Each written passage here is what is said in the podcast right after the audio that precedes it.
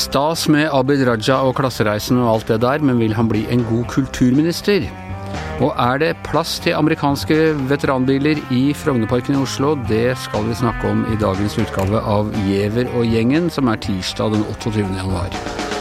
Ja, um, først til det første. Uh, det har jo vært mye nå tårer og, og glede og sånne ting. Abid Raja fra Iladalen til um, til eh, ministerkontoret, Uh, Hanne Skartveit. Uh, det er en god historie, og det var, det var liksom noe eget med å se han og Trine Skei Grande liksom omtrent falle hverandre om halsen på, på, statsrådkontoret, og det var et rørende øyeblikk. Men når alt det er sagt, hvordan er Abid Raja kvalifisert til å være kulturminister?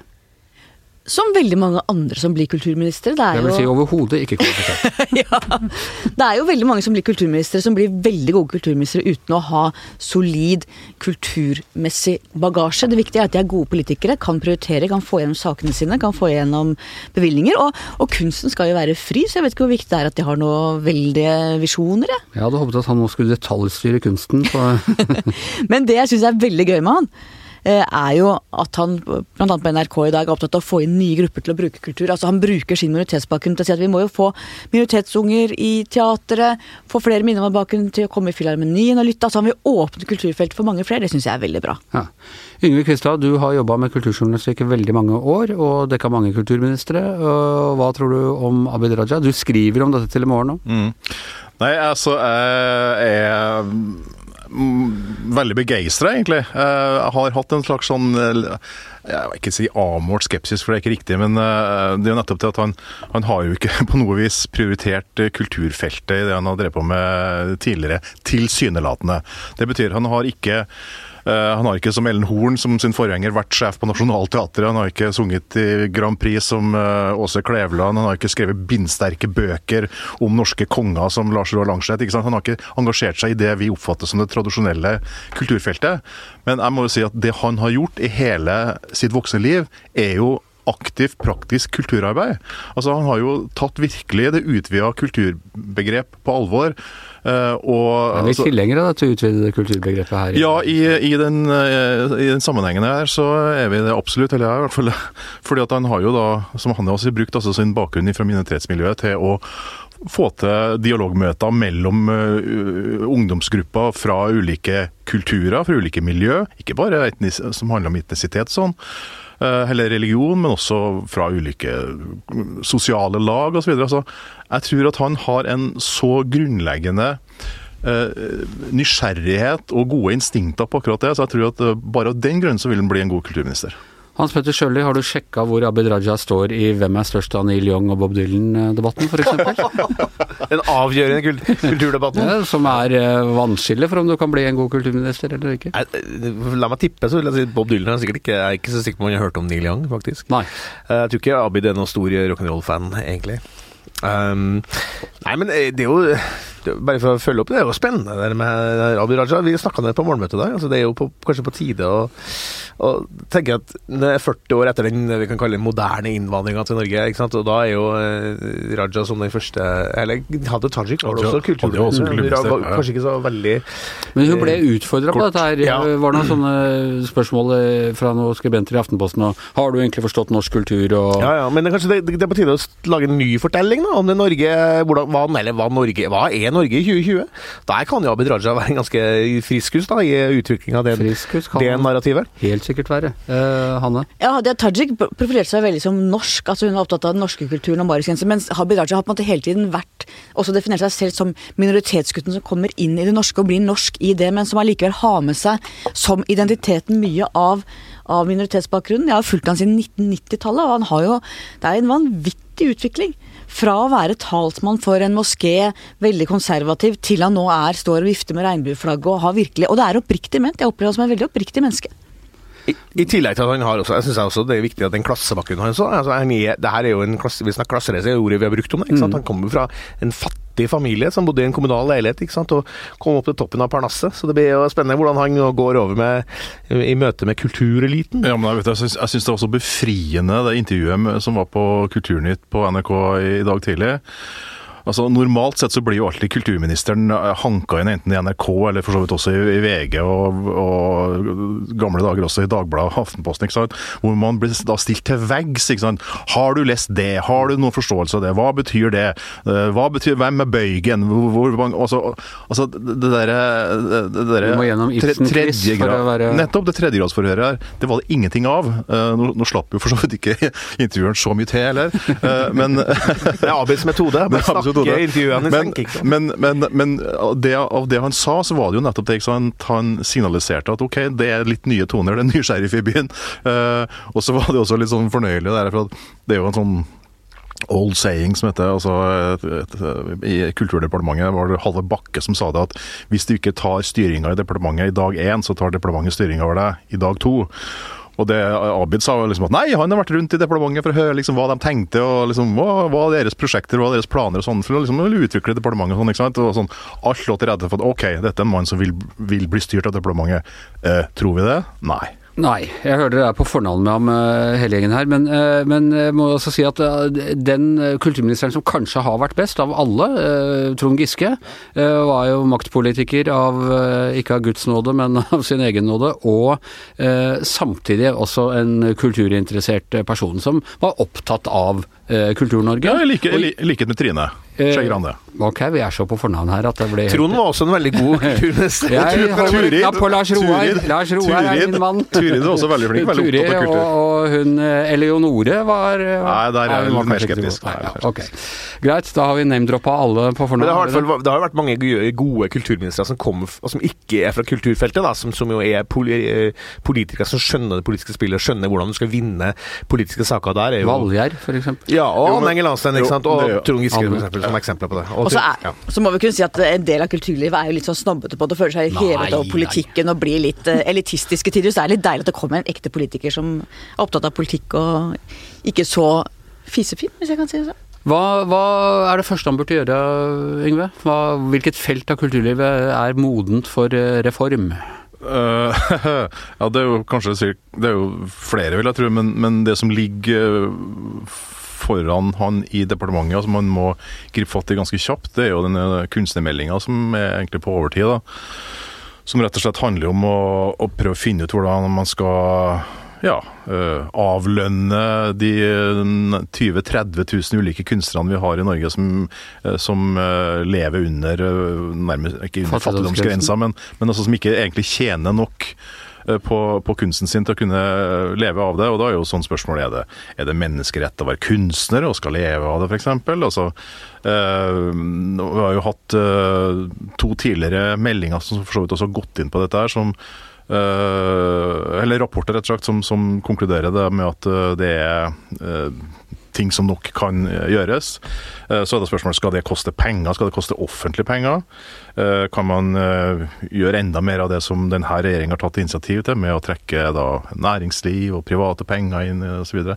så og dette er jo et minefelt, så det her vil jo vise hvor, hvor god diplomat han er. Han er da. Og så har vi en eh, barnekulturmelding som eh, skal begynne å jobbes med, som jeg syns er kanskje noe av det viktigste som skal skje framover. For det, og det skal jo da skje i samarbeid med faktisk med da forgjengeren Trine Skei Grande og hennes departement. departement. Blir de to nødt til å samarbeide? Jo, ja, fordi at sånn som utviklinga har gått i veldig mange kulturområder, hvor publikum blir aldrende, publikum er, er hvite, de er godt utdanna osv. Uh, mange unge, barn og unge trekkes ikke inn. Altså Skal vi ha et publikum til kulturlivet om 20 år, så må vi begynne å trekke dem inn nå. og Det, det skal jo da han jobbe med. og Allerede så har han jo vist sunne instinkter om hva slags øh, retning det skal gå. Det er det problemet vi sliter med i avisen òg, det. Eh, Hanne, eh, har du noe sånn favorittema han bør eh, gripe tak i? Festivalene. Små Smårockfestivalen. Det å få flere inn og få nye grupper inn i, i, som publikum, og på en måte dele kulturen til flere, syns jeg er viktig. Kjevlen utover landet. Ja. Ja. Distriktspolitikk òg, vet du. ja. Da skal vi til en annen del av kulturlivet, øh, som blir spennende å se hva, Abid Raja foretar seg med, nemlig øh, Amcar-miljøet. Uh, typisk norsk hva skal jeg si, undergrunnskultur, eller, eller på siden av, av mainstream-kulturen. Har møttes forskjellige steder rundt omkring i landet, og du ser dem ofte sånn i helgene på, på vårparten uh, kjørende rundt omkring. De møttes på Youngstorget i Oslo i mange år, og i de siste årene så har det vært stevne 4. juli, eller rundt 4. juli, i forbindelse med USAs nasjonaldag i Frognerparken. Og nå ble det kjent i går, uh, via Nettavisen tror jeg, at uh, miljø... Nei, ikke miljøbyrådet, men uh, hvem er det, Hans Petter, som uh, Ja, Bymiljøetaten. Bymiljøetaten Har sagt nei ja, til- har sagt nei, dette går utover plenen. Dere kan ikke få lov til å Og de har visst aldri hatt noen formell tillatelse til å møtes der heller. Og denne saken fra da Nettavisen, den, og som da spredde seg til andre, øh, den er en av de mest delte i sosiale medier. øh, Ja, den er del. delt uh, ifølge Storyboards eh, 20 000 ganger. Uh, det er altså det saken til Nettavisen som er skrevet av Espen Teigen, Ja. som tidligere var eh, rådgiver for Sylvi Listhaug, og som har et uh, finurlig teft for sånne type saker. Så det skal Espen Teigen ha. Han, Ja, ja. eh, han finner tak i de tingene som, som virkelig liksom, eh, klør litt kulturkrigen på ryggen også. Ikke sant? Fordi det, er det som skjer med en sånn sak som her, er jo at det plutselig bare tar av så enormt at de Amcar Det er ikke så mange biler det er snakk om her, tror jeg. Bare 15-20 biler som har stått i parken der. Eller, eh, den, den, den, saken har eksplodert. Men det man får følelsen av med en gang, uten at det har stått eksplisitt noe som helst sted, og, og sånne ting, det er at nå er det MDG som er ute og skal ta bilene igjen, ikke sant. Og da, da setter, det, setter det fyr på, på debatten. Og det er jo, jeg må jo si, altså er det noe man burde omfavne, eh, så er det jo nettopp eh, den typen Amcar-miljøer med, med folk som virkelig kan bil, konservatorer, tar vare på biler og får dem til å vare mye lenger enn uh, de egentlig levealdrene er, er tiltenkt, og, og samtidig tar vare på et stykke sånn uh, industriell historie. Men vi er så heldige at vi har fått en uh, Amcar-entusiast og bruker i studio eh, her i dag. Velkommen til deg, Yngve Kvistad. Takk skal du ha. Uh, Gildt å være her. du, er jo, du har en Amcar nå, en Ford Mustang? Nå Er er det? det en Mustang, ja. Ja. Men hvor mange Amcarer har du hatt opp gjennom årene? Eh, det husker jeg ikke. Jeg har hatt eh, en eh, første var en Dodge Tradesman. Så har jeg hatt en Chevrolet Impala. Så har jeg hatt en Chevy Monte Carlo. Så har jeg hatt en Dodge Caravan. Så har jeg hatt tre Chryslere. Og så har jeg for så vidt hatt forvaltningsansvaret av en Mercury. eh, og et par Mustanger. Og nå har jeg en 66 Mustang som jeg har ja, Ingen Coupe de Ville. Nei, ikke. Jeg har, jeg, på et tidspunkt så hadde Ingen De Soto? Nei, ingen De Soto. Men jeg hadde planer om en eh, Caddy, ikke en Coupe de Ville, men en, eh, en gammel Lorado som jeg fikk uh, stusen i. Men eh, det var for mye jobb. Imponerende nok. Og fortell meg hvorfor du, som også har eh, fire barn og diverse andre ting å, å ta deg av her i livet, bruker tid på å holde en sånn bil på veien. Nei, det er En kombinasjon av et slags sånn omvendt akademikerkompleks, antakeligvis. Og, og Ja, At det er viktig å gjøre noe med hendene? Ja, jeg tror det. Men altså, jeg har bestandig vært interessert i bil. For det første er jeg fra Trøndelag. og har, om ikke vært i et sånn Amcar-miljø, så i hvert fall øh, Jeg har hatt kompiser som har hatt øh, amerikanske biler, og som sagt vært en del av miljøet sjøl, og syns det er jeg synes det er interessant å skru bil, og, og så er det jo selvfølgelig mye en liten grad av forfengelighet i det. da, Å liksom ha en en ålreit bil som jeg syns er litt morsom. Nå, nå hører jeg med til at det er jo, det er jo ikke bruksbiler. altså Det er jo biler som har hatt eh, stort sett til Med et par, par unntak, så er det stort sett biler som har liksom pussa opp til hatt sånn ja, altså, fe- feriekjøring, sagt, eller sånn sommerkjøring og sånn. da. Men det er litt sånn i de miljøene at på en måte stiligheten på bilen er omvendt proporsjonal med stillheten på sjåføren. ofte. Det hender ofte, ja. Det, det, det, jeg skjønner hva du mener. Ja. Eh, eh, men ja, eh, altså da dette ble kjent i går, følte du raseri? Følte du at MDG var ute etter å ta deg igjen? eller? Nei, jeg følte ikke det, men jeg syns det, var- synes det var litt rart, også som Hans Petter sier, at det her kan jo umulig ha vært noe stort problem. For det har jo vært på de mønstringene i, om ikke i alle de år, så i hvert fall svært mange år. Og, og de bilene eh, har jo bare stått der og tiltrukket oppmerksomhet, og folk har gått og kikka på ham. Og, og så er det sånn med, eh, med sånne biler, det, det skaper bare godt humør. Altså Folk blir glade av å, se på dem, og at folk har brukt tid på å pusse opp dem. og, og, og det hører jo også med til historien at veldig mange av de eh, gamle bilene, 50-tallerne, 60-tallerne, 70-tallerne, de er jo vesentlig mye bedre forfatning enn veldig mange moderne biler som skrangler og går ute på veiene våre. Altså. Så de, de, er, de er i kjempegod stand. Og så lurer jeg på om dette bare er min egen alder og sånne ting, men jeg syns jo de er jo utrolig mye vakrere, stiligere, kulere, finere i fargene. Lakken var mer farger på, på bilene før, nå er det liksom bare uh, svart og mørkeblått uh, stort sett alt sammen. Ja. Men er det sånn musikken var bedre da jeg var ung tankegang, eller er det tror nok det, for det, er klart at det, veldig mange av de bilene her som selvfølgelig er lakka opp i mye dypere farger enn eh, hva de egentlig hadde i utgangspunktet. Men det var flere farger på bilene Det før. var flere farger på bilene, men, men altså,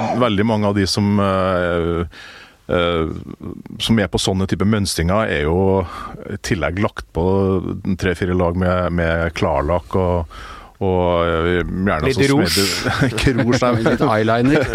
men altså, de, de, er, de er fiffa opp, Er og, de er klart, og, og også når de blir polert, så blir de jo veldig skinnende og Men de var blanke, jo biler altså Det er jo ikke noe, jeg tror ikke det er noe sånn gammelmannsfenomen. De- De var jo finere. altså Det var mye elegante, runde Det er jo ikke bare amerikanske biler, men de gamle europeiske bilene.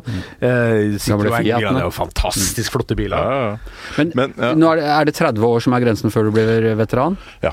Altså, Så- 30-årsregelen. Ja, så nå er det altså bilene fra 1990 er veteranbiler. Mm. Januar 1990. Men da var de ikke så fine, var de det?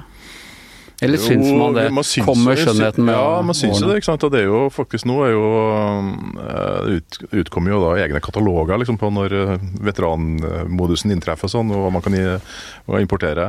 Uh, jo, jeg syns jo det. Det er jo, det er jo en del biler fra tidlig 90-tall som også Tenk deg når de fæle Teslaene liksom blir eh, veteranbiler og vi skal sitte og sikle ja, dem. de, de, Teslaen blir ikke veteran, vet du. Det det som er greia. De er fine, mange, mange av dem, syns jeg. Ja, kulturministeren kjører jo amerikansk bil, han kjører jo Tesla. Til og med Siv Jensen har kjøpt seg elbil nå. Ja, der ser du. Men, Men- det, saken Ja. løste jo seg Ja. på et vis. Det var vel ikke egentlig en sak, det var litt sånn War on Christmas-sak. Ja, det var nettopp det som jeg synes også nevnte kulturkrigen, det som er så artig med sånne saker, fordi det plutselig så blir det helt sånn, øh, sånn kaos. Og, og det som jo var artig her, var jo at øh, i Nettavisens eh, Espen Teigens egentlige sak, så var jo Høyre og Frp som fikk rase. Eh, Bård Hoksrud kalte det et eksempel på galskapen i Oslo, og, og Høyre mente at det her var som 17. mai uten barnetog. Det var ikke måte på hvor de tok i. Eh, og at, når, når han skrev den saken, da, så skjønte jo selvfølgelig andre partiene her må vi melde oss på, for det er jo ganske dumt der. ikke sant? Og da kom jo Arbeiderpartiet litt sånn hysterisk på banen og ringte sikkert NTB og sa vi, vi, vi vi gjøre slutt på Gran her. Og, altså Rødt og Senterpartiet og alle var ute og mente at Rødt var også med. ja, ja, ja, ja, ja. Så til slutt altså endte det Det endte jo ikke helt uh, ferdig ennå, men eh, forstår du noe sånn at, eh, at byråd uh, Arild Hermstad er da kobla på og skal ha et møte og skal ordne opp i det. Ja, da blir det Amcar-mønstring foran Slottet, tenker jeg på den eh, fjerde juli. Inne på Slottet. Inne på Slottet med statsminister og konge til stede. Ja, men da nok en sak løst av Espen Teigen og Nettavisen. Gjever Giæver gjengen er over for i dag. I studio Hanne Skartvedt, Hans Petter Sjøli, Yngve Kvistad, Anders Giæver og vår mann bak rattet, Magne Antonsen. Vi høres igjen i morgen.